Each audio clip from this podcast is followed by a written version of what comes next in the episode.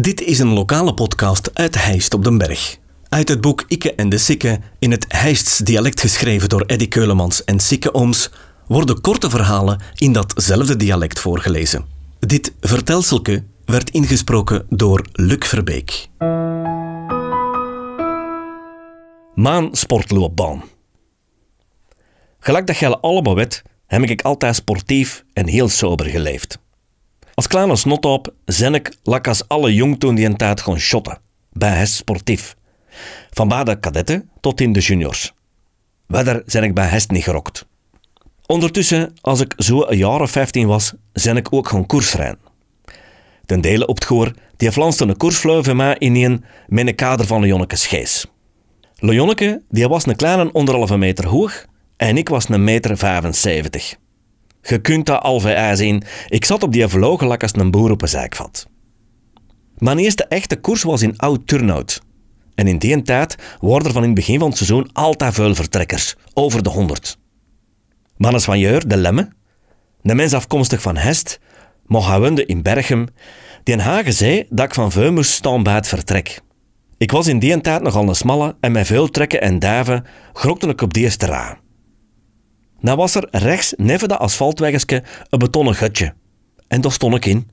Die hoop vertrekt en al zo'n 150 meter droogde dat zo'n vlakjes naar rechts. Stond er toch wel een telefoonpaal in dat gutje zeker. Ik krokte ooit dat gutje niet uit en dan deze met zijn chocoladezen bonk op die paal. Vloke paraplu en mijn knieën en mijn ellebogen kapot. Die vent van Berchem razend kou op mij en die is nooit meer meegereden op de koers. Dat koersrein heb ik na een tijd maar gelaten. Dat was veel te lastig. Na de troep stond ik op de transferlijst bij Hest en de Flor van Zwette Lola heeft toen gekocht voor de molenzone. 3 kilo paling volgens dat schend. Ondertussen was ik getrouwd en ons madame zei tegen mij: Als je bij de molenzone blijft shotten, dan trap ik het af. Want dat ging dan toen schoon zelf, meer pinten pakken dan shotten. Het hoofdstuk molenzone weer afgesloten.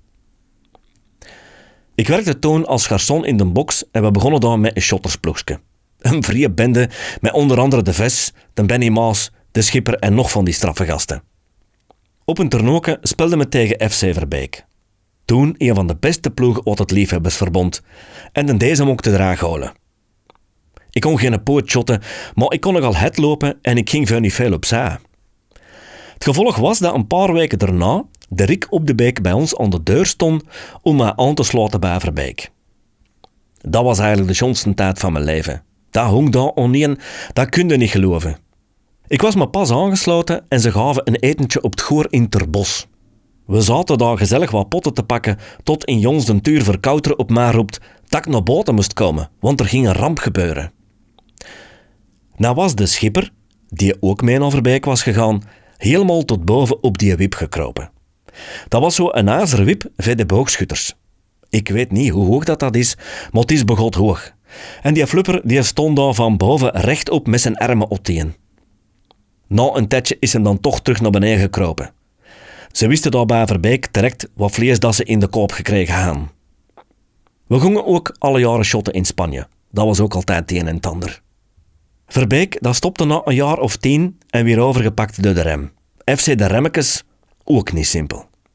Later weer dat Bill Ede, Geraas Keulemans en Dancing Ede. Bill Ede was de enigste ploeg waar de spelers allemaal, of toch bijna, met hetzelfde merk van Otto rijden. Tussen die tijd had ik een accident gehad. Mijn rechtsbeen helemaal in de frengel en mijn raakgevulde sportloopbaan was voorbij. En toen zijn ik me gaan toeleggen op de prachtige sport van het vissen.